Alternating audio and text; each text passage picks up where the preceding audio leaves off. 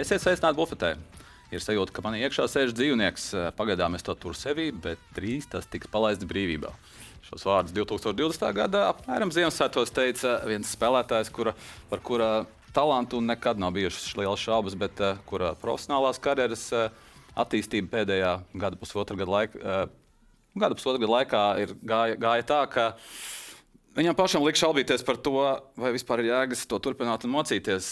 Tagad šis spēlētājs ir pasaules piektās labākās komandas, var teikt, spilgtākais spēlētājs, pēc kura rokas un sirds kāro nu, Eiropas lielākie klubi. Un šodien viņš ir arī mūsu studijā. Nē, tas nav Jānis Jančits, kā jūs jau nojautāt. Viņa rokas un sirds ir aizņemtas, bet uh, ar to žagars pie mums uh, Latvijas izlases uh, saspēles vadītājs pasaules kausa piektās vietas ieguvējs un otrās simboliskās izlases dalībnieks. Sveiks, Artur. Prieks, Sveiks, prieks, ka tev bija brīdis izrauties un atnākt pie mums. Kā tur ar to dzīvnieku ir?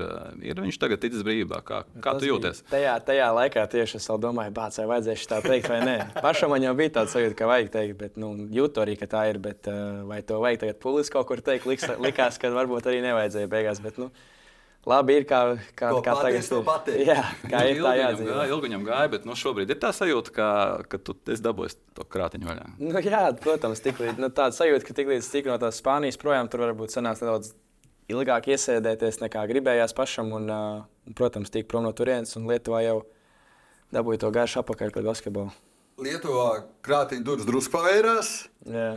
Pēc tam galīgi atvērās. Kurā brīdī tu saprati, ka tas ir tavs turnīrs? Džakarta manīla, ka jāiet un jāņem.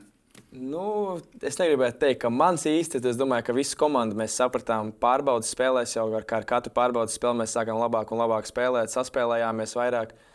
Protams, pārbaudas spēlēs grūti īsti saprast to savu lomu, tāpēc, ka Luka Banki visus spēlētājus testēja un apmēram līdzīgas minūšu skaits, tā kā nevarējām saprast, kurš tur būs sākuma sastāvs spēlētājs, kurš nāks no maiņas un vispārējais. Bet, nu, bet nu, jā, es domāju, ka tas svarīgākais bija, ka mums tā pirmā spēle tieši pret Libānu bija, ka tā nebija uzreiz tur Francija vai Kanāda. Jo mums tomēr tā nervi arī bija tā, ka nu, tagad mēs nezinām, kā ir pasaules kausā spēlēt. Un tā bija veiksmīga spēle, un tad jau mēs to pārliecību paņēmām līdzi sev uz nākošo spēli, un, un izdevās arī Frančus pieveikt. Labi, bet pauzot atpakaļ pirms turnīra. Nu, nebija tā, ka tu biji tāds stabils 12 spēlētājs, par kur nebija šaubu. Jāņa trauma, Riharda trauma. Kas notiek tavā galvā? Ir tā, ka tu tajā brīdī saproti, ka īstenībā tu esi tas, kam ir tagad ir jāpaņem, vai neskaties, kas notiek apkārt šajā Nu, ziņā? es, man liekas, es drīzāk dzirdēju no malas, ka oh, tagad uh, man un Kristēnam Zorikam būs daudz lielāka loma vispār. Es, protams, ka es to apzinos. Tiklīdz kā Jānis uh, Strelnieks notraumējās tīpaši, jo mans pozīcijas spēlētājs. Tomēr Rahards Lomačs vairāk pa, otros, pa otro numuru spēlē, bet nu, tāpat tās, tās izkrīt divi tādi tā teikt, izlases līderi. Protams, ka apzinos, ka tas minūšu skaits automātiski pieaug. Visiem maziem spēlētājiem, plus vēl Dairis izkrita vispār eh, Francijas spēlētājā. Mēs to visu apzinājāmies. Un, eh, un jā, kaut kā jau tas īstenībā tas, tas spiediens un viss tas nevarēja īsti sajust līdz brīdim, kad iekāp lidmašīnā un aizbrauc uz turieni. Jo grūti jau tā aptvert, ka pasaules kausa tomēr tik liela lieta ir. vai ne? Un Tagad tev visu laiku ir kaut kāds pārbaudas spēles, tur treniņi un tā. Tu tā nu, nevar īsti nevar paspēt aizdomāties, wow, tas tiešām īstenībā ir kosmiski, ka mēs pasaules kausā spēlējam. Tā kā, tā kā jā. Klausies, tajā kosmosā. Luka Banki tev uh, esot psiholoģiski, mentāli un garīgi gatavojas. Tā deva iekšā tev, lai tu iespējams arī būtu gatavs tam, kas pēc tam sekos uh, Džakartā manī. Jā, nu, noteikti varēja izjust to, bet nu, kas man pašam pa- nepatika īsti, ir, kad tur no mēdīju ziņas izstājās, ka ja uzdeva jautājumu Luka Bankai, kāpēc tieši pret Artūru tu tā izturies. Es nedomāju, ka pret mani bija kaut kas īpašs. Tu vienkārši tāda situācija sanāca, ka es tur vai nu pieļāvu kļūdu, vai nu nopeldēju kaut kur aizsardzībā, un Luka Banka vienkārši skarbāk vispriekšā spēles laikā nu, pateica man skarbākus vārdus. Un viņš jau no manis arī sagaida lielu tomēr, uh, to atbildību. jo Es esmu saspēles vadītājs, un tā saspēles vadītāja un treneris saiknē viņai jābūt diezgan spēcīgai, lai to komandu varētu turēt, ievadīt uzbrukuma aizsardzībā, tur pateikt, kā, kur ir nākošā kombinācija un viss pārējais. Kā Tas bija pilnīgi normāli. Plus, vēl es, man liekas, esmu jaunākais spēlētājs izlasē. tā kā Tas vēl vairāk iedod treneriem. Tas jau tā, tā teikt, stereotipiski ir jauniem spēlētājiem vēl vairāk tur uzbļaut virsū, varbūt kādā brīdī un pateikt kaut kādu skarbāku vārdu. Tā kā Tas ir Bet, pilnīgi lai normāli. ko tur vasarā teiktu, mēdīji, Džakarta un Manila liecina, ka tā jums tāda laba saikne izveidojās ar Luku. Jā, es domāju, ka noteikti arī ārpus laukuma vienmēr ir bijis viss kārtībā. Protams, uz laukuma, tad, kad vēl nav tas 12. gala nosaukts, visi savā starpā konkurē ļoti. un simtprocentīgi Luka negrib tur izrādīt, kurš viņam vairāk patīk vai nē. Viņš grib, lai visi visu laiku uh, paliek tajā, tajā fokusā un cīnās par savu vietu. Bet tiklīdz arī sākās tas turnīrs, tā jau Luka bankierī pret mums visiem spēlētājiem palika tāds mierīgāks, varbūt nelikt tik daudz to spiedienu no sevis, kā, kā drīzāk kā no visa tā turnīra pamata un vispārējā. Tā kā, tā kā. Atdurbi, es tev pateicu, ka tā kā, nu, manas pausties, skaitā basketbolistiem, vairāk teiks, ka ir jāpaskatās uz tablo. Tablo rāda, lai Nando de Colo un Vinsants Kolē domā, kāda viņiem ir saikne. Tā vai ar Luku. Viss tablo parāda, ka viss kārtībā saikne. Nē, bet spēles laikā tā ir viena lieta, bet tas, ka viņš atļāvās pēc spēles pakomentēt, diezgan asti. Tas bija ļoti netipiski. Vispār treneriem Latvijā tā neviens nekad nav runājis. Arī pats Lukas tā beigas bieži. Nu, tur es pats teicu, es esmu vienīgais, kurš viņam pa īstam uzticās šobrīd no treneriem. Nu, tas tāds pietiekami.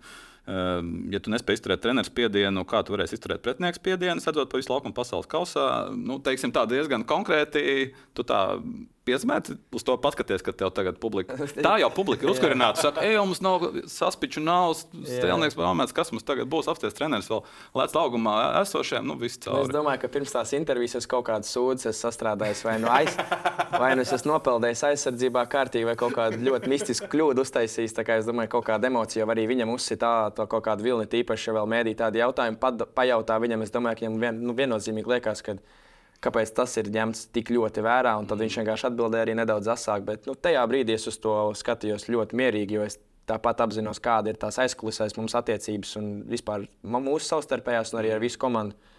Tas man baigi neiegrauž nekur, bet uh, vienīgi Latvijas, Latvijas mēdī kaut kā liekas, bija pār, pārtulkojuši, ka uh, viņš par maz strādā nu, treniņos pamaz strādā. Bet tur viņš teica, viņš teica, ka he's jobless. Viņam, viņš ir bez darba, bet tur pateica, ka viņš mazāk maz strādā un tad vēl par to aizgāja tālāk sarunas. Tā bet zini, kā tur ir. Uh... Piekrīt par mēdījiem. Par nav... Es pat negribu teikt, ka mēdīte kļūdās tāpat kā basketbolists. Protams. Es esmu sapratis, ka Luka tev gatavoja arī tam spiedienam lielākam. Jo, sorry, badal, vēl paiesim cauri Badalonas, Braunšveigas, mirklis Tallinā, Kedāņi. Sorry, tur nebija tas spiediens. Un skaidrs, tas augusts, nu, ar tā, lai, jo man liekas, ka tu pats zini, Latvijas mēdījiem nav spiediens. Tur rītas ar žalgiri, lai pazaudē. Tur viņā un kaunijā ir spiediens. Un es sapratu, ka viņš arī gatavoja tev, ka, lai tu arī pierodi. Nu, Jā, tas, tas noteikti tā arī bija. Nu, viņš lika ļoti lielu spiedienu gan uz mani, gan arī uz Kristēnu Zoriku. Mēs to, man liekas, ļoti izjutām uz, tās, uz savu sādu. Viņš ļoti daudz prasīja no mums, tāpēc, ka nu, tāds spēlētājs kā Jānis Strelnieks izkrīt. Nu, Viņam vajag sagatavot kādu vēl saspēles vadītāju, lai, lai viņš tur to spiedienu un visu pārējo. Un, uh, tas noteikti ir tā iemesla dēļ. Un, uh, un, un, un, kā redzat, atmaksājās. Patīk spiediens tev.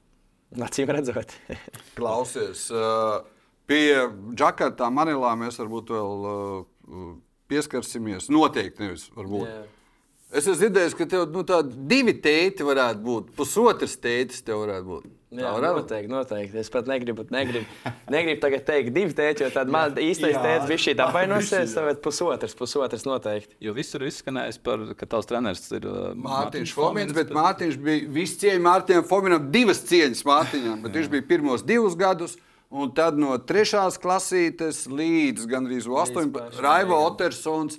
Ne tikai basketbola laukumā, bet arī tur ir sekojis līdzi. Ir tavi tēti vārdi, ka viņš ir bijis tavs otrais tēls. Tā var pilnībā, pilnībā, var, pilnībā var piekrist. Nu, viņš ir bijis kopā gan ar mūsu ģimeni. Viņam ļoti labs kontakts ar mani ģimeni izveidojies. Tas pats arī uzreiz aiziet līdz Krišam Helmanim. Mm -hmm. Pat cik mēs pusbrāļi esam, un tā ģimene, no mūsu ģimenes nāca divi spēlētāji, es un Krišs Helmans. Mēs braucām uz visām nometnēm, kopā trenējāmies. Un, uh, Un tas treneris vienmēr, vienmēr ļoti nosvērts un uh, ārpus laukuma, ārpus laukuma, tā kā aiz muguras. Mums, mēs jau nezinājām, ko viņš runā ar maniem vecākiem un vispārējo.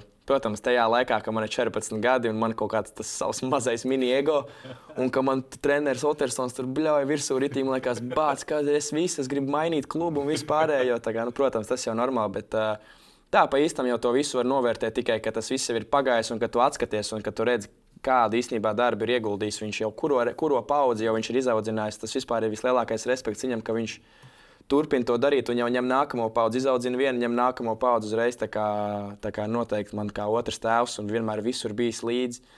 vienmēr visur apsveic, vienmēr, vienmēr, vienmēr pajautā, kā iet. Un, uh, tas ir tā grūti izskaidrojams. Es ceru, ka vairākiem basketbolistiem ir tā kā man. Viņš māk izaudzināt NBA spēlētājus, es esmu dzirdējis. Tā arī ir. Tā arī ir. izdevies, jā. Viņam vēl viens ir bijis. Jā, jā, jā. Jau viens ir bijis. Un, bet uh, no principā maziem, jeb no jauniem gadiem, arī Jānis Poziņš turpat blakus tev. jā. Ja Raivo tēvs, tad Jānis tā kā krustās. Krustās, ne? Jānis Krustāvs, Jānis Krustāvs. Tāpat, tās, protams, arī tas jau ir uh, liela tāda saikne izveidojusies jau no 14 gadu vecuma, vispār bez nekādām līguma saistībām. Nekur Jānis man ticējis. Ir. Un, un, un vienmēr bijis blakus visiem lēmumiem, un visi, vai tie ir bijuši grūti vai, vai viegli. Vai varbūt tagad, skatoties, liekas, tur izdarījām nepareizi, vai tur izdarījām, izdarījām pareizi. Tas, tas vispār neko nemaina. Man tas galvenais ir tas, ka man tic un es to jūtu. Un, kā redzat, šos pēdējos cik tur gadus es neko īsti neesmu ne parādījis, ne pierādījis. Viņš tāpatās tikpat daudz kā 14 gadu vecumā man visu laiku ir bijis klāt. Un, vienmēr runājam, komunicējam. tā Kā, tā kā man gribētos teikt, ka man ir laba komanda apkārt. Man. Rezultāti liecina, ka tā. 16. Gada, 16. gada dece, decembrī, tā skaitā kopā ar Jāni, pagrieziena punkts, kas aizveda uz Badalonu, tas pagrieziena punkts bija pārbaudas turnīrs Čehijā. 16. gada decembrī tur nevarēja saprast par Badalonām. U-16 izlase jau bija nospēlēta vasarā. Jā, tas bija uz 16. Jā. Tas bija pēc Jā, jā, jā, U-16. pareizi. Un tad tev sāka arī es tur nemaz neatceros. Es Jā, tev jā, varu pastāstīt. nē, mēģināju to, to pulksteni pagriezt tā pa soļiem, kā ir. tev Tā ir, tā ir. Jā, jā, jā. kā, tur uh, citreiz sajūta reizēm, vai pirms pieciem, vai pirms desmit gadiem bija astoņi. jā, jā, jā. Nu, sanāca aizbraukt uz uh, trajautu tieši tajā Badalonā. Un, uh, es tāds salīdzinoši vēlais bērns biju. Es vēlāk tur pieaugu, vēlāk nobriedu, stiprāks paliku un vispārējo. Un tad uh, Badalona tā kaut kā uzticējās un ieinteresējās par mani. Un, uh, es aizbraucu pie gadus vecākiem, nospēlēju turnīru Čehijā. Un, un, un, uh, un jā, diezgan labi sev parādīju. Un, uh, un beigās likās, ka tas ir tas pareizais lēmums. Arī nākošajā vasarā parakstīt ar to Badalonas Hoventutu komandu. Jo, nu, lai kā varbūt man ir kaut kādas uh, miksētas sajūtas par to Badalonu, tā jauniešu sistēma jau viņiem ir ļoti labā līmenī. Nu, tur ir trīs treneri klāt katram spēlētājam, viņi individuāli trenējās. Un, uh, tagad vēl tā zāle ir atjaunota, viss tur svaigs ir. Tur tādā ziņā tur ir augstā līmenī viss. Ir. Tas viss, šitās visas problēmas jau sākās tiklīdz tu iekāpi profesionālā basketbolā, kas ir pa lielam biznesam, un tur jau ir katram savs intereses un vispārējais. Tā jauniešu sistēmā tu jau tikai gribi, lai tie bērni labāk izaug, nu, jaunieši un vispārējie. Tā kā, tā kā tur es neko nevaru atņemt, tad neko atņemt, neko pielikt. Tur tiešām labi jauniešu sistēma ir. Un, un, un tas arī bija pareizais solis. Tur ļoti daudz ko iegūt. Lai arī es tur nespēlēju, arī profesionāli pie pirmās komandas, ACB komandā, nu, tādi spēlētāji man priekšā bija, no kuriem es varēju dien dienā ar viņiem trenēties, kopā mācīties no viņiem. Un, kā, protams, ka es tur esmu arī ieguvējis. Bijis nav tikai tā, ka tur viss slikti, negatīvs un mīnus. Tad arī atceries savu 17 gadu Jā, vecumu? pret Tīmu, pret Baskoniju. pret Jānu Tīmu sanāca, jā, tas bija tāds arī īpašs, īpašs moments. Tas bija tāds pirmais, kad es uzkāpu uz laukumu. Es atceros, es ar tēvu braucu, ar tēti braucu uz spēli. Viņš bija atbraucis tieši ciemos, un uh, mēs braucam uz spēli un negaidīju, ka es spēlēšu. Es tur trenējos pie tās pirmās komandas, bet nu, negaidījām, arī es negaidīju. Un man 30 minūtes pirms komandas lielās sapulces pasaka, tu esi gatavs? Treneris iesauc savā kabinetā. Man vienkārši puls, puls, puls uzkāpa uz 220, aptuveni kaut kur rokas trīc, protams, kas uz galvu māja. Jā, bet nu, es parunāt nevaru, es tikai māju. Saku, mm -hmm, jā, jā, CC tur gatavs. Un, un ā, aizēju atpakaļ uz to garderobi. un Vienkārši nu, komandas biedri jau redz, ka es esmu ritīgi uztraucies. un Tur man nāca gan veterāni, gan vispārējie saka, vecīt, no tevis šī spēle vispār nav atkarīga. Tev nekāda atbildība nav. Tu esi, tu esi pilnīgi, tu esi galīgi jaunais. Neviens nemaz nezina, ka tu spēlēsi. Vienkārši dari, izdari visu labāko, ko tu vari, un pēc tam viss būs slikti. Nekas turpinās nākošajā dienā. Tāpat tās nespēlēs tikai trīs minūtes. Tev varbūt uzlaidīs uz debiju un viss pārējais. Un uzlaidu uz debiju un sanāca uzreiz laba pirmā kustība. Iemet no apakšas, un tad jau kaut kāds tas hypiņš sāka, sāka parādīties. Jau pēc spēles ar tēti aizgājām uz to blakus, kas ir lielveikals pāriest, un tur jau sākās cilvēki. Jau jā, ka- cilvēkiem iepatikos nedaudz tur bildīts, paprasīja vispār. Tā bija tāda pirmā pieredze, likās, o, arī tik krūti. Klausies, bet pirms spēles vēl bija treniņi kopā ar uh, pirmo komandu. Tev dažos treniņos bija jāiet ātrāk nos no laukuma. Tur kaut kāda alkoholi dabūja pa seju kaut kāds vairākas reizes. Tur kaut kāds. Jā, Tas pierādījis, ka Helmans tur Īstenībā, tas, spici. ir, tas, ir, tas ir īstenībā diezgan smieklīgi. Mēs par to esam daudz runājuši. Man liekas, kaut kādas nu, 9 no 10 reizēm, kad es dabūjis kārtīgi pa mutu ar elkonu vai kaut kas tāds - krišs. Tā kā Tas tas vēl kā neapzināti. Ne? Jā, nu, tur jau pēc trešās jau sāk likties, ka kaut kas tur nav tīrs, īsti kaut kāds apakšējais nodoms. Bet nevarēja saprast, kā vienā pozīcijā mēs nespēlējām. Bet, nu, kaut kā, Atrad kaut visu laiku. Visu laiku atrada, visu laiku Bet atrada. jums abiem video spēles patīk. Jā, tā kā mēs. Tu esi agrāk, agrāk tu esi bijis labs ne tikai NBA, Call of Duty, Call of Duty bet tu arī FIFA bija diezgan labs agrāk. Īstenībā FIFA man bija pirmā opcija kādu laiku, no kaut kādas 14. FIFA līdz kaut kādai 16. Man tā bija pirmā opcija vienmēr, un tad tikai bija NBA un Call of Duty. kā- Līdz Kristus tev sāk apspēlēt. Ja? Jā, nu, viņš īstenībā diezgan netalantīgs ir uz spēlēm. Ar šahu jūs arī. Tev... Viņš teica, ka šahā Tu esi laukumā Par šahists. to es negribu runāt. Ar Krišu, ar Krišu grūti šādu spēlēt. Viņš ir tiešām. kā- iPads jāņem Jums palīdzīgā. ir tev iPads blakus, vai ne? Jā, nu, Krišs ir tā, lai saprastu, māram, viņš tāds džeks, kurš kaut kādos 11 gados, man liekas, programmēt mēģinājis datorā jau kaut kādas slotu spēles. Tur kaut kā. Tā kā tur ir, tur ir diezgan grūti šahā viņu sacensties. Tādā ziņā viņam galva tiešām strādā ļoti labi. Labāk NBA 2K. Jā, labāk tur, labāk tur, kur tīri uz uh, kaut kādas stundas vairāk mani pavadīts pie tās spēles. Klau par tām strādājušām galvām. 20. gadā, jūs, 20. gadā jūs abi mēģinājāt, arī iestājāties arī sebā, sākāt mēģināt mācīties, kas tur ir sanācis. Pastāst man. Nu, pirmo kursu mēs abi pabeidzām, un uh, tad mēs sapratām, laikam, ka uz to brīdi tomēr bija šī tas atņemt kaut kādu beigu enerģiju no tā basketbola, un pat cik mēs vēl neesam neko īsti pierādījuši.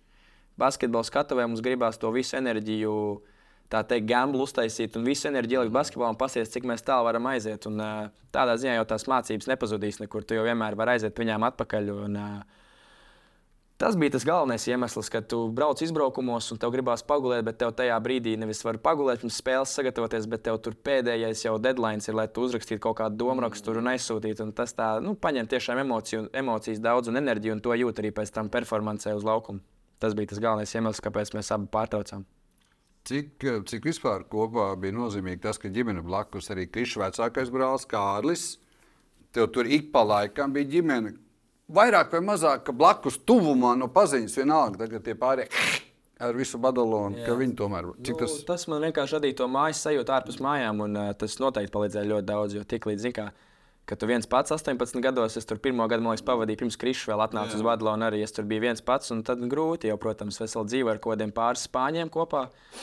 Tad tur sākās jau dzīvoklī nekārtības un viss pārējais, un tu jau neko īsti nevari tur izdarīt. Īstenībā tajā gadā Kristaps Gludīts bija ar mani vienā, vienā, vienā dzīvoklī, un tur mēs palikām arī ļoti tuvi draugi. Un, kā, ja viņš tur nebūtu, nebūtu neviens latviečs, es domāju, ka tas tur būtu jau aizgājis, jau nojūdzies kaut kā. Nu, tādā ziņā tas, ka tev Latvijas, nu, krišs brāļi paši ir blakus, tas jau, tas jau, tas jau vajag panest uz Tā augšu. bija tā iniciatīva. Viņi paņēma pie sevis vai ne dzīvokli. Viņi, Jā, viņam tie jā. apstākļi nebija tie labākie. Tad, teica, nu, Jā, un bija arī tāds, mans dzīvoklis bija tāds ar divām guļamistabām, lielu lie- viesistabu, rītīgu balkoniņu. Tā kā bija vienkārši likās ideāls variants. Un Krišs draudzene Laura Helmana. Mm. Sieva Laura Helmane, protams, uztaisīja mums tur ēst, parūpējās, tur iztīra kaut kādas dzīvokļu bišķi. Man liekas, vienkārši kā var, kur vēl, vēl labāk būtu. Nu. Vienīgais tie šāda zaudējumi. Tad mēs vēl nespēlējām šādi. Tad mēs nespēlējām vēl. Klausies, tev tagad. Laura tagad Tībingenē taisīs ēst. Jā. Tev tagad Bundeslīgai, Kristika Bundeslīgā no otras. Tur kaut kas jāizdomā būs kaut kur tuvu, tur laikam. Jā. Jā, jā, noteikti. Bet kopumā jums diezgan liela komanda. Tur sanāca latviešu spēlētāji, vai ne? Nu, teiksim, ap Barcelonu. Tur vēl. Jā, Šmits, Rolands Šmits tur bija tas pats pie manas reizes mātes Steinbergs. Tā kā tādā ziņā ar Šmitu rēcīgi vienmēr arī bija tā, ka pilnīgi katru reizi mēs sarunājām, tā kā mēs viens pret otru spēlējām, tā, nu, kas notiekās, nu, vai sazināmies un aizjām pāriest kaut kur. Un pa pieciem gadiem vispār nevienu reizi. Ne... Man liekas, ka viena reize bija kaut kāds Latvijas spēles, Latvijas izlases bija. Mēs kopā noskatījāmies pie viņa dzīvoklī, bet tā visu laiku sarunājām un vienmēr atkrīt. Tur ir metro no Badalonas arī. Tur metro jābrauc mēs 25, 30 minūtes. Jā, nu, man vēl mašīna bija Jā. tā kā vispār. Tā Attaisnojumu nav. Iela iet cauri. Tur. Jā, attaisnojumu nav. Attaisnojumu nav. Rodions pat tik līdz, kā tagad es biju, tā kā es tikko parakstīju, Rodions bija Barcelonā. Pēdējais gads. Jā, ar viņu arī nesanāca īsti nekur aiziet, tikai tā pakomunicēt. Varbūt es paprasīju vairāk kaut kādas vietas, kur pāriest foršas, nu, tā, tādā ziņā. Bet, bet nu, jūt jau to visu. To visu jau jūt, ka tu arī, kad tu spēlē, pirms spēles tu parunājies ar Latviju kaut kā, tas jau tev, kad tu runā latviešu, tas jau tev to mājas sajūtu tāpat tās atnes kaut kādā ziņā. Ārtos, kurus cienīgi bija patālināts. Trimdāls, Baskovs, vīti augšā uz ziemeļiem. Sibīrija. Tas tālu, Sibīrija. nu, ar Arthuru vispār, nu, kā mēs esam kopā aizgājuši cauri, tas ir kosmos. Nu, Kopa del Rey kaut vai tas pats. Labi, es nespēlēju, bet vispār, kur mēs esam kopā vienā viesnīcā bijuši tagad jau pasaules kausā, nu visās jauniešu izlasēs kopā. Viņš atceros pie manis uh, Eibla turnīros Dāngos sportā pie tā paša Raiva Watersona. Nu, varēja paņemt kaut kādus spēlētājus. Mēs no Arthūra no Cēsīm paņēmām. Viņš starp spēlēm pie manis panākt palika. Tā kā mūsu ģimenes arī kopā nu, diezgan tuvas ir. Un, uh, Vispār tā banda, kas bija mums tagad izlase arī uh, Kuruci, uh, Zorigs, Strautiņš, mēs visi no, no Daugos sportam, tā kā arī, mūsu vecāki sagaidīja pie lidmašīnas, uh, tiem vecākiem jau tāda dīvaina sajūta. Viņi saka, mēs tikko visi sēdējām, Pikniks, skatījāmies. ģimene, jā. jā, mēs tikko visi Balī. skatījāmies, kā mēs jaunatnē spēlējam, tagad mums šitā sagaida ar sarkanu paklāju, viņiem, protams, ka emocionāli uzreiz ļoti. Mm. Varbūt tas ir viens no lielajiem skaidrojumiem, kāpēc arī tā tā. ķīmija ir tieši tāda, kāda viņa bija. Tā. Klausies, un tā tu tik vaļā no tiem Badalonas valgiem kopā. Laida, la... spēlēt nedēva, vaļā nelaida, un tad beigās tomēr uz, tik uz Braunšveigu ar otro mēģinājumu. Ja? Jā, jā, sanāca ar otro mēģinājumu. Tieši es biju saslims ar covid. Pirms es uh, aizlidoju uz Braunšveigu, tad sanāca, ka es biju kaut kādas divas nedēļas vispār bez nekāda sporta treniņa. Nu, tik cik tu mājās uz paklājiņa tur var presīt un pumpīšus uztaisīt.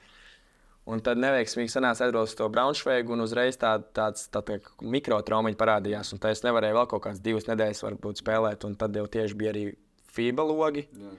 Tad sanāca vēl viena nedēļa brīva, un te jau atnāca atpakaļ, un to, to garšu dabūju. Protams, tā, tas bija tas īstenībā tas pirmais solis, kad es sapratu, ka es varu spēlēt veģu basketbolā. Un, un ka kaut kāda loma man parādās komandā. Protams, nesenāca ilgi, man tur sanāca kaut kāds pusotru mēnesi tikai spēlēt, bet nu, ar visu to es vienkārši beidzot tiku pie basketbola garšas, sapratu, kāds ir tas ātrums, kāda ir tie, tā fizikalitāte un viss pārējais. Un tīpaši Vācijas līgā, kas man bija jauna. Tu pieminēji, ka trauma nav tā, ka bieži tev, nu, es nezinu, bieži, bet nu, es esmu dzirdējis, tomēr piekarina to birku traumatisks spēlētājs. Nu, tur, uh, Potīte 18. gada operēta, pēc tam Badalonā tur cirksnis, pēc tam uh, kreisās kājas pēda. Visu laiku kaut kas, un kaut kādos brīžos, kad it kā būtu jābūt izrāvienam. Jā. Tad, um, Nu, tās ir tās trīs. Un nav vairāk arī nav. Vienkārši bet ir nu- izveidojies tas stereotips, ka pēc tam trīs traumām un ar to covid pārtraukumu visiem uh, pa vidam ir izveidojies tas, ka vienkārši es ļoti ilgi nespēlēju nekur. Tās trīs traumas varēja salikties citos brīžos karjeras posmā. Un neliktos nevienam, kas tur baigi traumatiskais. Jo mikrotraumas un traumas pilnīgi visiem ir. Tas ir neizbēgami. Tas viss vienkārši salikās tā, ka pēc tam 18 čempionu uztaisīta operācija potītē. Labi, tā ir, tā ir liela trauma. Tas ir ļoti daudz spēlētāju bez tādas izdzīvo visu karjeru, vai ne? Tev esot līdzīgi dibenu muskuļi kā Stefanam Karijam. Kas tā saka? Pēc potītas traumas, tāpēc es atvainojos, ka es paņēmu minūtes pārtraukumu. Okay. Pēc operācijas esot ļoti liels paldies Ivaram Ekstenam, Ikstenam. kurš ir sapratis, ka tā potīte saistīta līdzīgi kā karijam, kuram karjeras sākumā līdzīgos gados kā tev, bija jānostiprina sorī, no, tā skaitā dibena muskuļi. Un tad pēc veiksmīgas operācijas Ivars ir ļoti daudz līdzējies, lai tur neatkārtojos. Noteikti, protams, ka noteikti. Tas, tas, tas bija tā, kā es to operāciju uztaisīju. Es atbraucu uz Latviju, to rehabilitāciju taisīt pie Ivara Ikstena. Un, uh, un, un, un, pf, protams, nu, tas, tas, tas darbs, ko viņš ir ieguldījis, es vienkārši visu mūžu varēšu pateikties. Gan jau tas nav tikai ar potīti, tas bija arī tagad, kas bija ar to hamstringu izlasē. Tagad, tas pats viņš man jau sagatavoja pirms šī turnīra. Tas bija viņš, ar kuru es strādāju dienas dienā. Un, un, un, nu, protams, nu, bet tas prasīja beigot disciplīnu, vai ne? Nu, tas nu, regulāri ļoti, tās tas ir vienkārši. Tajā tas- vecumā nav grūti, sev- grūti sev piespiest, teiksim, būt ļoti. ļoti, ļoti. Tīpaši, ka tu nedabū to pašu. Tāds ir, ka tu tuneļa galā gaismu neredzi, jo tu visu laiku strādā, strādā, bet tu tos augļus nedabū vispār. Jo tu nedabū uzspēlēt, tu nedabū pārbaudīt, vai es palieku labāks vai nē. Tie treniņi jau ir tādi, tu pierod pie treniņiem, un tu vienkārši ej viņiem cauri. Spēles tomēr ir tādi testi, tur ir jauni pretinieki, jauns viss pārējais, katru reizi cits tur kaut kas ir. Tā kā, tā kā noteikti bija grūti sev piespiest, arī tagad jau bija grūti. Vasaras sākumā vienkārši dzīties tajā svaru zālē, strādāt uz iekšējiem muskuļiem un visu pārējo. Bet, nu, beidzot, beidzot kaut kādi augļi vismaz bija šī ir atnākuši. Bišķiņ ir, jā. Klausies, pavisam mazliet.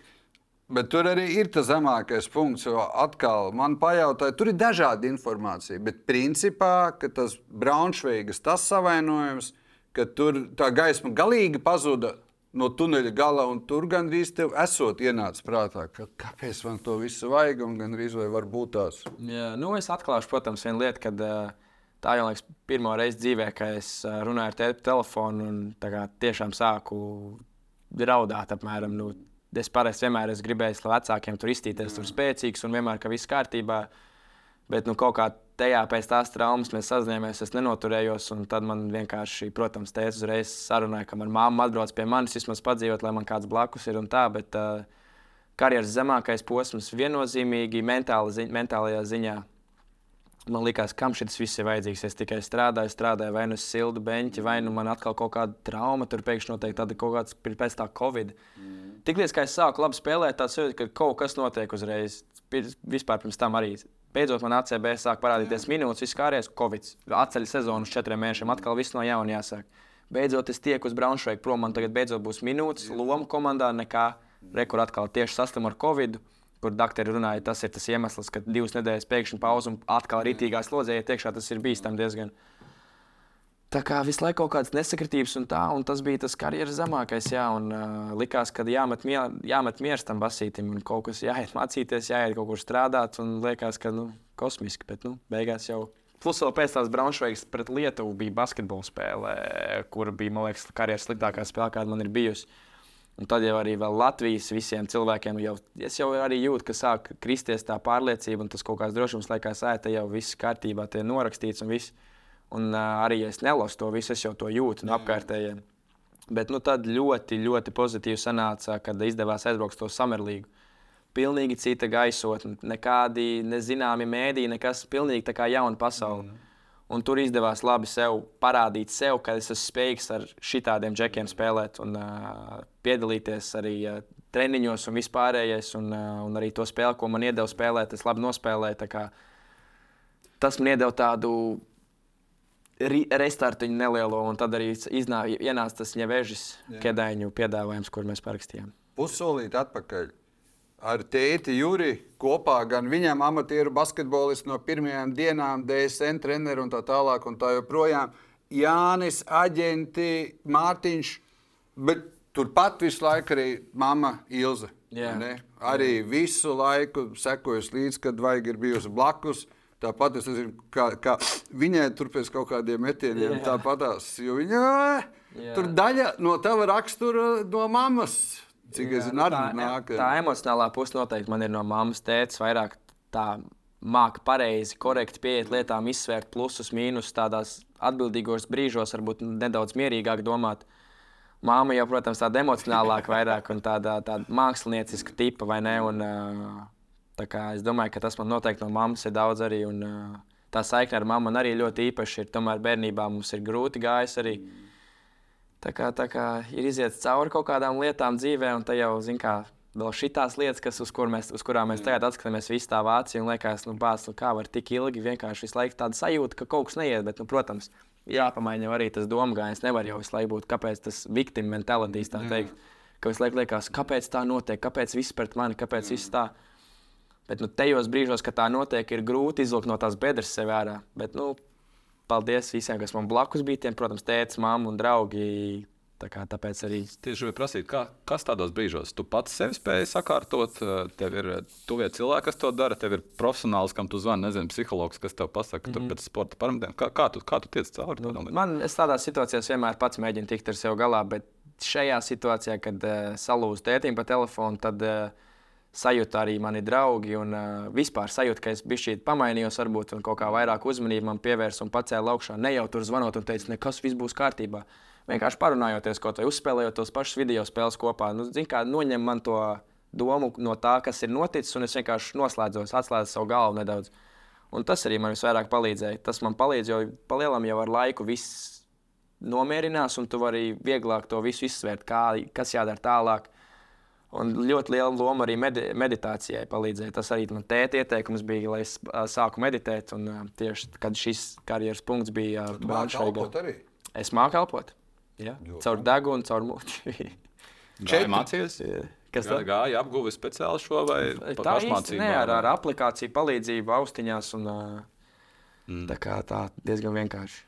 Četri musketieri, musketieri esot uh, bez Artūra arī Niks Roberts Jurģis. Yeah. Tā jūs tur vēl. Jā, tagad nedaudz pamainījies. Ir Roberts nedaudz savu dzīvi aizgājis, ir, bet ar Niku un Jurģi. No, Tad trīs uzskatiet, paliek. Jā. Paliek, paliek pagaidām trīs, jā. Bet, uh, Gaidīs atpakaļ. Jā, gaid, gaidām, cet, gaidām ceturtu atpakaļ. bet, uh, bet, nu, jā, jā, nu, protams, nu, Niks un Jurģis tā ir, es gribētu teikt, mana ģimene. Nu, es nesaucu viņus par draugiem. Viņi tiešām man kā brāļi ir no pašas pirmās, vienkārši no sešu gadu vecuma. Mēs kopā esam uzauguši un izgājuši visām tādiem sūdiem cauri visādām labām Kā lietām. Kā, nu, vai ne? Tur Un, noslēpuma nav vairs. vai ne? nu, netak, nu, vispār, nu, tas, ir, tas, ir, tas ir tāds. Nu, Pilnīgi par jebkādu dzīves tēmu.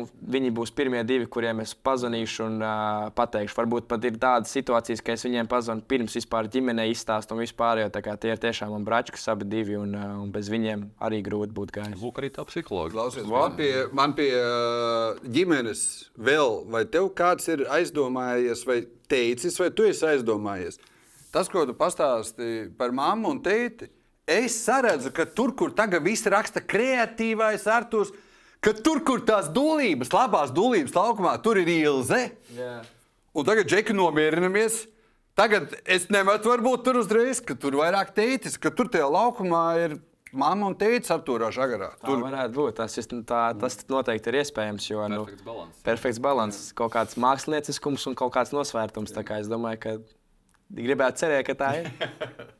Klau, nu, tā Badalona, nu, nu, tas bija tāds diezgan, tu jau pats teici, diezgan nesaprotams gadījums. No vienas puses, tu esi mīlestības trenerim uh, savā ziņā, nu, kurš var uzskatīt, ka tev rūpējās, bet laukumā nelaiž. Viņam ir divi, divi citi džeki priekšā. Ģenerālmenedžeris nakšņo tev palātā pēc, pēc tavas operācijas, un vienalga klubs tev neļauj nekur aiziet un spēlēt. Nu, tās droši vien ir tādas pretrunīgas sajūtas, it kā tu tevi mīli, un vienlaikus tu saproti, ka tev tā kā. Nu, Jā, tas- tas... Arī, tas arī bija tas grūtākais, ar ko es mēģināju saprast. Es mēģināju izanalizēt, kāds ir tas iemesls vai kāpēc tā notiek. Un, uh, un tagad, jau, kad es vecāks palieku un nedaudz atskatos, nu, protams, nu, savā ziņā nu, tās pašas tā, tā, tās nesakritības, visas tās, ka tas Covid, piemēram, tas bija ļoti liels tāds. Uh, pauzes podziņa manā karjerā. Tāpēc, ka nu, tas bija pirms tā Covid, man tieši sanāca uztvert labu ritmu. Es sāku jau vairāk spēlēt, jo viens tas pats vadītājs satraumējās. Nospēlēju labas divas spēles ACB, nospēlēju vienu labu spēli Eiropausā un Covid. Mm. Un tagad man atkal četri mēneši ir pilnīga pauze. Visi sēžam mājās, nekādi treniņi, tik cik atkal uz tiem paklājiem un. Un tad mēs nākam atpakaļ un atkal viss no jauna jāsāk. Ir. Tas, kāpēc es to atgriezos pie šīs tēmas, bija tas, ka tu tajā tā, tobrīd pateici, es ceru, ka paies gadi.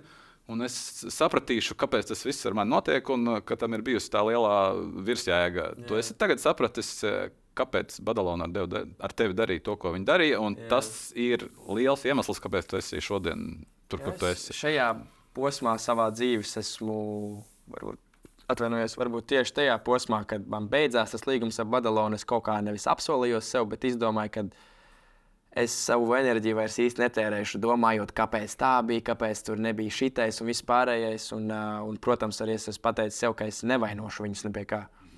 Ja es tagad atrastu, tagad jau viegli ir, kad viss ir beidzies, tagad es mēģināšu atrast kaut kādus vainīgos. Es domāju, ka abas puses bija savā ziņā vainīgas, gan es, gan viņi. Nesagāja tur kaut kas, ā, protams, katram sportam jābūt kaut, kādam, kaut kādai veiksmēji sev blakus, kas sakrīt tur timings, sakrīt uh, apstākļi un vispārējais. Un man vienkārši tas nesanāca. Nu. Un, un, un uh, neko dziļāk es tur īsti nevaru paurpties un saprast. Tā kā tā. Kā, tā. Man nav līdzi. Man liekas, maka atstāt tur monētas divas puses. Varbūt, ka ir pat tuvu kopumā tas laiks, bet uh, 23. gada Arthurs Žagars ar 5. vietu savai komandai Latvijas izlasēji. Ar 17 piespēlējumu pret Lietuvu un pasaules rekordu nav iespējams bez tiem Badalonas pieciem gadiem.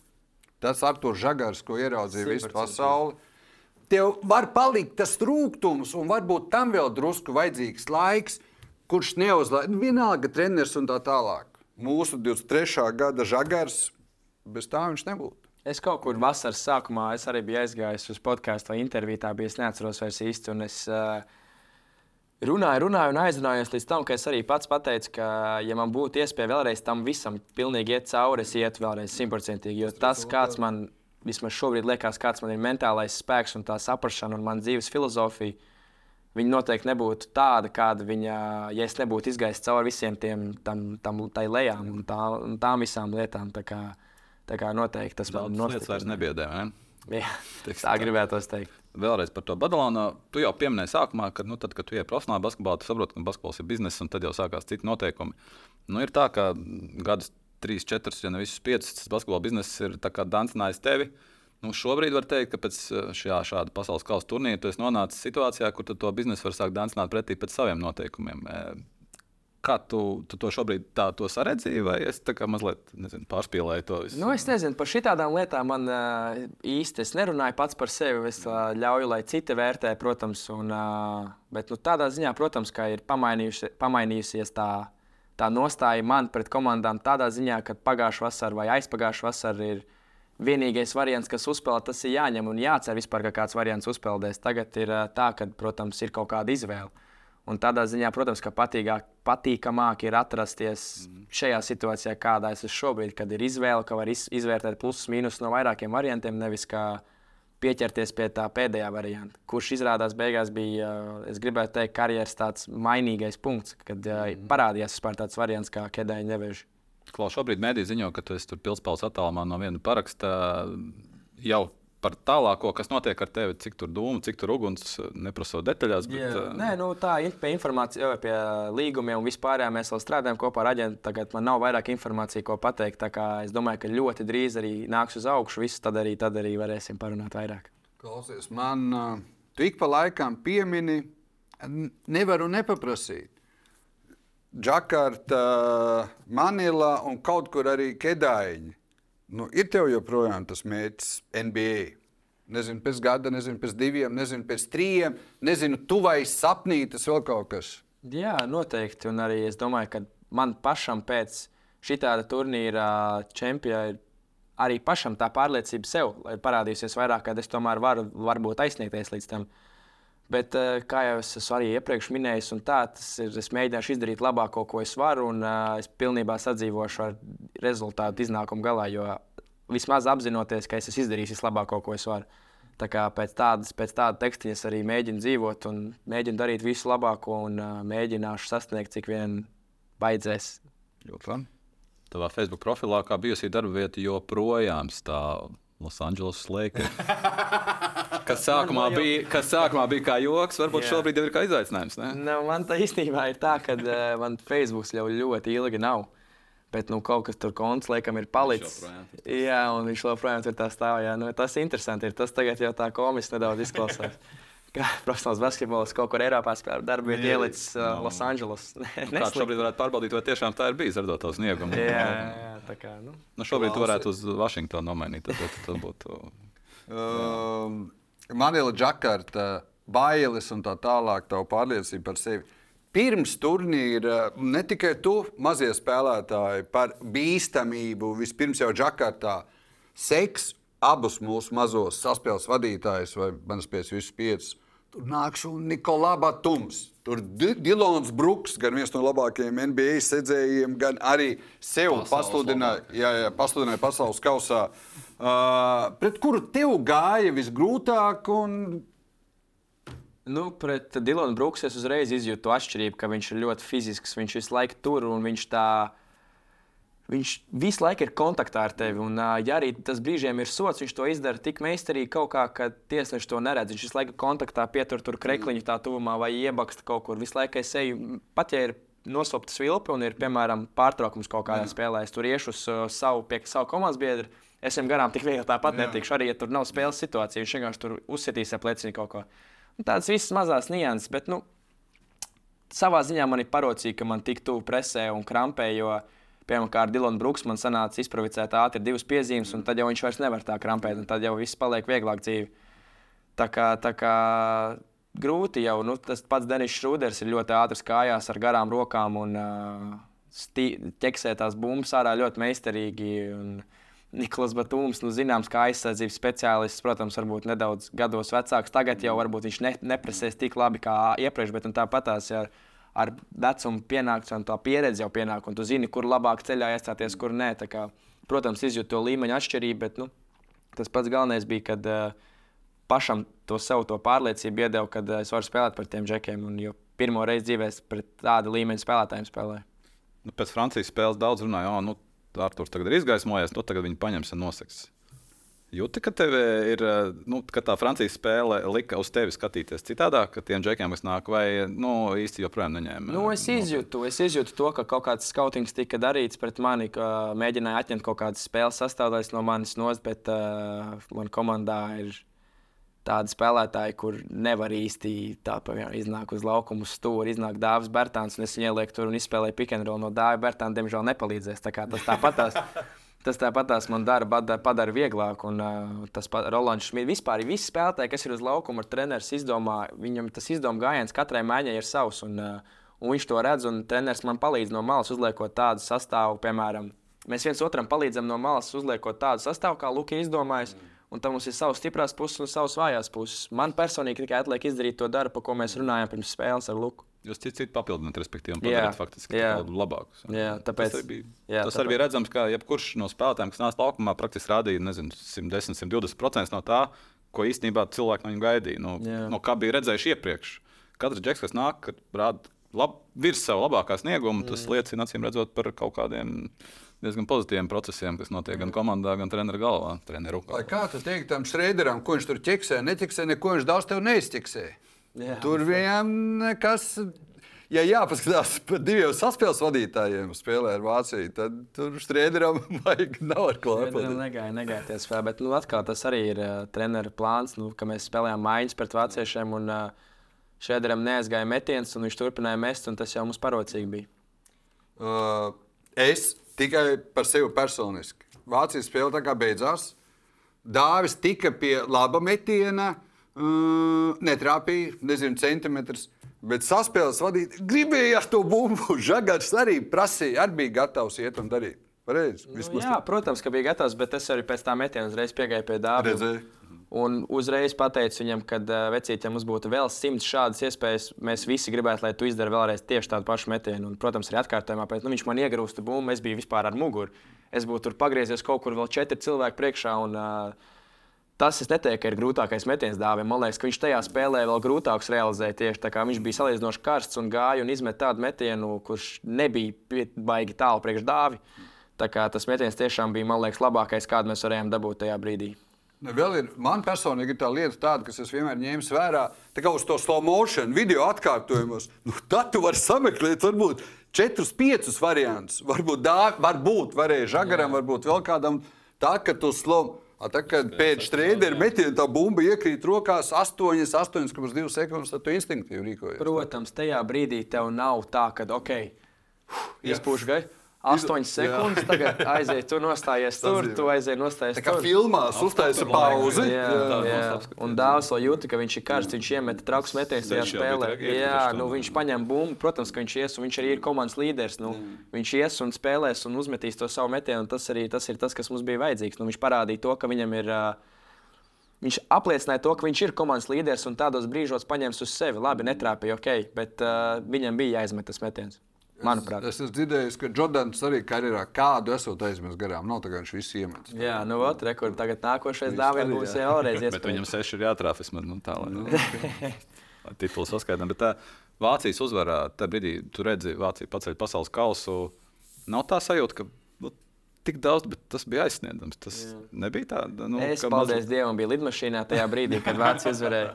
Tā kā nesanāca paskatīties, bet, nu, protams, pēc tam atkārtojumos tos video redzot un vispārējo, protams, savā ziņā jau, ja var izlūkt kaut kādu gaišu no tā visa, tad mēs esam zaudējuši pasaules, čempi pasaules čempioniem šobrīd. Tas ir tāds gaišais, bet, nu, baigi gaišs viņš īsti nav. Bet nu, savā ziņā, nu, es nezinu, nu, prieks par vāciešiem. Viņi to arī bija pelnījuši. Viņi tomēr ir ļoti meistarīgi komanda, ļoti laba komanda. Mēs par pāris džekiem un arī treneriem ieminējās, kad uh, savā starpā aizkulisēs pirms turnīra, kad nu, Vācija ir izstāsta pēc labākās tādas komandas vispār kopumā. Gan Eiropas pieredze, gan NBA pieredze. Viņi kopā salikuši arī ļoti labs treneris, salicis kopā tādu plānu. Ir, un, uh, tas pats Šuders arī pēc mūsu spēles, gan pusfinālā, gan finālā nospēlēja vienkārši savā līmenī un apliecināja to, uz ko viņš ir spējīgs. Un, un, un Frans Wagners. Pff, Tur arī tā tik jaudīgi tie spēlētāji, tiem atsevišķiem ir tā kā, tā kā viņi noteikti to bija pelnījuši. Nu, Domāju, gan Strēders, Braunšveigas kluba īpašnieks pēc spēles Latvijā teica, ka Latvijas saspēles vadītājs esot īpašs. Reklāmu viņa uztaisīs. Uztaisīja reklāmu. Tur uh, katru dienu neuztaisa uh, reklāmiņu pasaules čempions un turnīra MVP. Tā kā Jā. tā, tā, tā. Nē, nu, protams, mēs arī ar Šrūderu, tā kā es parakstīju Braunšveigā pēc sezonas, bija pie Šrūdera mājās. ā, Tā teikt, pasākums, atv atv atvadīšanās katram no katra komandā. Un, protams, apmainījāmies jau tad ar telefonu numuriem. Tagad turnīra laikā arī kaut ko apmainījāmies ar tekstu messageiem. Un, un, un, protams, tas tāds. Tas daudz nozīmē noteikti man, tāpēc, kad ir bijis tiešām ir tā, ir bijis, kad pirms turnīra vispār jau, kad es vēl jauns biju, kādās intervijās es teicu, ka viņš man viens no mīļākajiem spēlētājiem kopā ar Kairiju Irvingu ir. Mm. Bet, nu, bet tagad jau vairs nav mīļākais. Tagad jau viņš ir mans konkurents. Nebija pārsteigums, ka viņš tomēr spēlē visu to spēli līdz pēdējiem izšķirošiem metienam, lai gan bija skaidrs, ka nav, nu neiet, neiet, jūs viņu apturat, viņam ir pārliecības, nav, un vienalga viņš met pēdējo metienu. Tas... Jā, nu, tā ir apbrīnojama pārliecība, kas viņam ir. Jo, man liekas, viņš ir tieši tāds spēlētājs, kurš vienalga kā spēlēs, viņš nekad nepazaudēs savu pārliecību. Viņš turpinās spēlēt tieši tāpat, kā viņš spēlē, un tāpēc arī viņš ir tur, kur viņš ir. Ar tādu līgumu, kādu viņš, kāds, kāds viņam ir. Un, un, un, un, Nu, trenerim jāsaka, apbrīnojama pārliecība turēt eh, šajā situācijā, nu, ļaut viņam būt tas, jā, kurš noteikti, met. noteikti. Tas, tas, jau, tas jau diezgan, beig, beigās eh, ir treneru lēmums, bet nu, savā ziņā tu apzinājies, ka Šuders ir tavs komandas līderis un uh, kaut kādā ziņā jau tev jāļauj arī viņam maču taisīt. Tieši tajā, man liekas, uh, Un viņš pēc tam divus lielā mērā uztaisīja. Nākamos pēc jā. Latvijas. Pret mums tieši atgriezās Frans Wagners Jā. un uh, par- apliecināja savu, savu meistarību. Kā, nu. Kaut procot uz turnīru kopumā, nu, šobrīd mēs, protams, skatāmies uz to visu no citām pozīcijām. Mēs esam redzējuši, kā jūs spēlējat, mēs esam redzējuši, kā mēs izskatāmies uz kopējā līmeņa. Bet, eh, nu, reti reāli, kurš ticēja, ka tas tāds reāls scenārijs, saprotot, ka, lai tiktu ceturdaļfinālā, mums ir eh, priekšā Kanāda, Francija, pēc tam Spānija, Brazīlija. Mums ir jāuzvar trīs no tām četrām komandām, lai mēs tur būtu. Ar kādām vispār sajūtām jūs paši braucāt? Jūs kaut kā tā kā rēķina, domājāt, rēķinājāt, eh, kāda intuīcija, es nezinu, ko teica priekšnojautas. eh, Gāja smuki, visas pārbaudas spēles skaisti līdz brīdim, līdz brīdim kad jūs satikāt lietuviešus. Vispār tas prie, priekškvalifikācijas cikls un visas tās pārbaudas spēles vasarā, tas jau mums visiem to pārliecību arī iedeva, ka mēs varam spēlēt. Un, Un ka mēs varam turpināt un veidot to uzvaru strīku un visu pārējo, un ka mēs cīnāmies ar labākajām pasaules valstīm. Un, uh, pēc Francijas spēles jau ir īpaši tā pārliecība vēl vairāk pienāca. Tas ir savā ziņā tajos divos gados ir uh, uzdabūts tā augšā, tā, tas, tas pārliecības līmenis, ka mēs saprotam, ka mēs ejam iekšā kā underdog. Man liekas, mēs katrā spēlē bijām underdog, Izņemot izņemot Libānu. jā. Un ar tādu pārliecību arī mēs ejam iekšā, ka mēs gribam parādīt, ka mēs neesam underdogi. Un ejam un cīnāmies. Nu, un, un, un. Man pēdējā spēlē jūs nebijāt vairs underdog. Bet tāpat pasaulē Lietuva. bijām. Nē, Lie Lietuvā.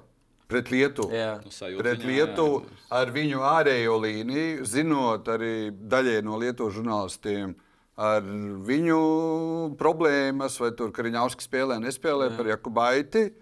Nu, tur jau pārējās piekrīt, bet tā Lietuva jau atradās Tur beigās. Pēdējā spēlē Taivānā tur nesanāca īsti. Kas īstenībā ir labi. Ja es jau arī iepriekš minēju, man liekas, jā, varbūt nevajag. Negribējās pat 30 dabūt iekšā, vai ne? Bet, Bet ā, vajadzēja. bet nu, tā bija tāda augstā duša, man liekas, kas mums visus lika sapurināt tā kārtīgi un, un nofokusēties kārtīgi turnīram, ka tas nebūs tā, ka mēs tagad iesim un tā kā priekškvalifikācijas ciklā visiem brauksim pāri. Un, un tagad tāpat tās arī notiks šā, šeit. Tā, kā tas bija, tā bija tāda augstā duša, kas bija vajadzīga noteikti. Nebija tā, ka Luka viņa ļāva viņai notikt, iespējams, varbūt sakārtot mazākus tos mīnusus, bet taču varbūt ļāva tie mīnus. Nē, noteikti. Nē. Tas, tas noteikti nebija apzināts domu gājiens. Tas bija, man liekas, mums visiem spēlētājiem vairāk. Un Luka varbūt izjūta, ka mēs varbūt nedaudz sākam atslābt, un, mm. bet nu, nekad noteikti nav viņa uh, intentions, nezinu, kā tas Jā, bija. Tā, nodoms. tā, nodoms, jā, tas nodoms noteikti nebija tāds, ka, ok, tagad mēs iesim šajā spēlē, un mums jāzaud, ir, lai mēs saprastu. Tā noteikti nav. Man bija tā, ka visas zvaigznes sastājās tā, kā vēlāk izrādījās. Uh, zaudējums kā tāds, pēc Lietuvas sastāvā izvēle galīgā, kas tagad mēs redzam, cik veiksmīgi. Labi, ka īstajā mirklī Dāvis uztaisīja savu nesportisko, un viņam momentā ar Libānu bija cits fokus, un pats bankī bija cits. Jūs tur negribējāt iejaukties tajā, ko banki vasarā ar tevi uz daudziem. Viņu mēdī lūk, pasludināja, ka tik nervos banki nav redzējuši. Un vēl pret Lietuvu bija zināmā mērā nervos. Un visur no Libāna bija vecais kvalifikācijas cikla banki ar visiem tiesnešiem, spēlētājiem. Jā, nu, tas jau vēlreiz parāda to, ka viņš apzināti to varbūt ir darījis. Es jau, mēs jau nekad īsti neielīdīsim, ja kāds nepaprasīs, nepaprasīs viņam šo jautājumu, viņš neatbildēs. Bet nu, tā spekulējot, runājot, nu, izskatījās, ka tas ir ar nodomu, ka viņš uztais visiem to spiedienu, tādu, kas mūs sagatavo šim pasaules kausam. Noteikti.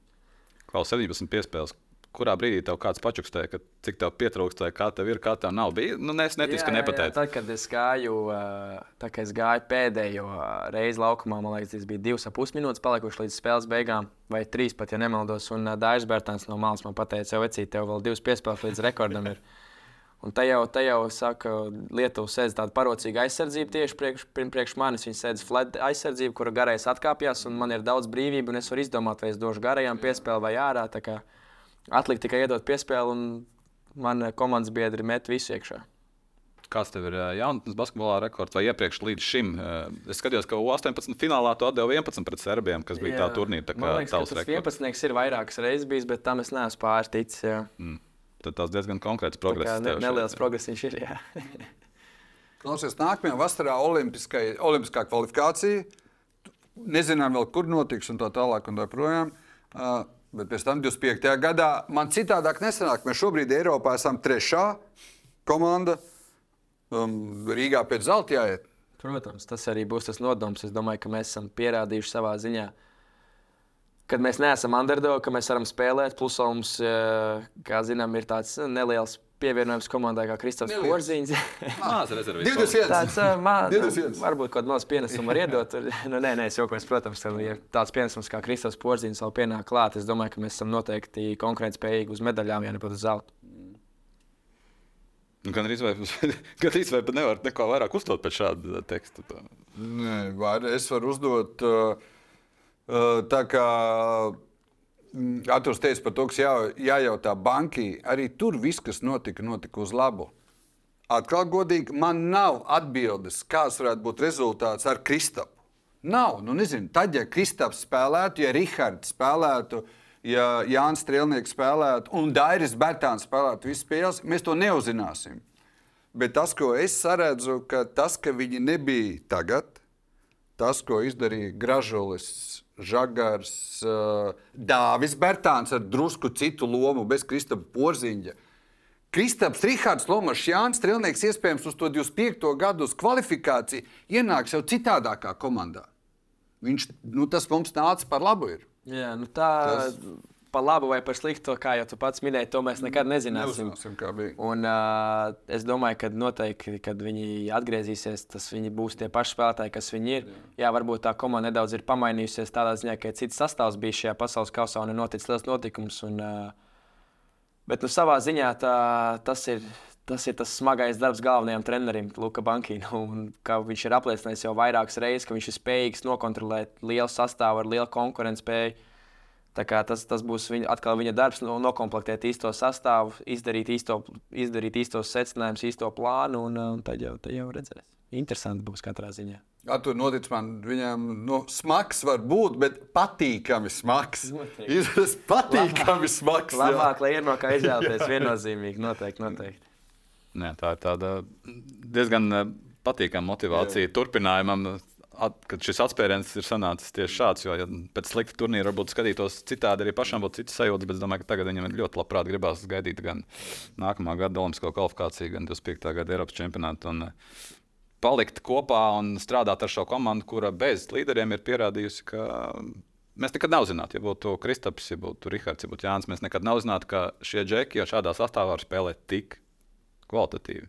Tas arī paliktu noslēpums droši vien arī pašiem. Es to piekrītu. Mēs zinām, ka mūsu iespējas ir kļuvušas krietni plaš, plašākas pēc, pēc šī gada. Un, eh, nu, ko, es domāju, ka mēs tagad gaidām, kur katru brīdi ziņas eh, no Artūra un no Artūra aģentiem, teiksim, tā, kā, kur, kur turpināsies tavs gaitas, eh, citiem pārējiem arī mēs droši vien domāju, ka šis ir labs, labs, labs tāds atspēriens, lai pasaule ir pamanījusi. Noteikti sākus respektēt ļoti daudz spēlētājus, par kuriem pirms tam vienkārši sprieda pēc ierakstiņa atbilstoši kluba nosaukumam. Tā kā, nu, lai tev tā teikt, nākamā sezona ir uh, vēl viens liels solis pretī tam uh, lielajam basketbolam, uh, kurš, kurš tā bijušajā darba vietā, kas tev tur ir tur ierakstīts joprojām tajā vienā sastīklā, kur tu neizmanto. Jā, es domāju, ka Šodien mēs ar to arī, arī varam novēlēt. Droši, jā, jā. Ne. Lai tev jebkurā komandā izdodas parādīt to basīti.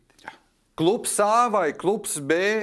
Tu pats teici, aģenti, jūs izdomāsiet, man vispār nav šaubu, lai izdodas to basīt rādīt. Paldies, paldies. Lai ir tas treneris, kas spēj novērtēt, jo tu pats esi teicis, ka ne visi Eiropas treneri spēj novērtēt to savus spēles vadītājus, kurš grib brīžiem pārlauzt to sadarbību un tas ir risks, kas noimprovizēt. Treneriem jāuzņemās, protams, savā ziņā. Bet, nu, paldies jums tiešām par novēlējumiem. Un, uh, un, un, un tā jau Ja ir šāds spēlētājs komandā, tad ir grēks tādu neizmantot. Labi, paldies, ka atnāci. Paldies, ka klausījāties. Skati, jā, tu, tu, to es zinu, ka tu, tu atnāksi jebkurā gadījumā. Uh, paldies, ka skatījāties, klausījāties. Tiksimies pēc nedēļas, uh, droši vien jau mazliet citā sastāvā un iespējams citā sporta veidā. Visu labu!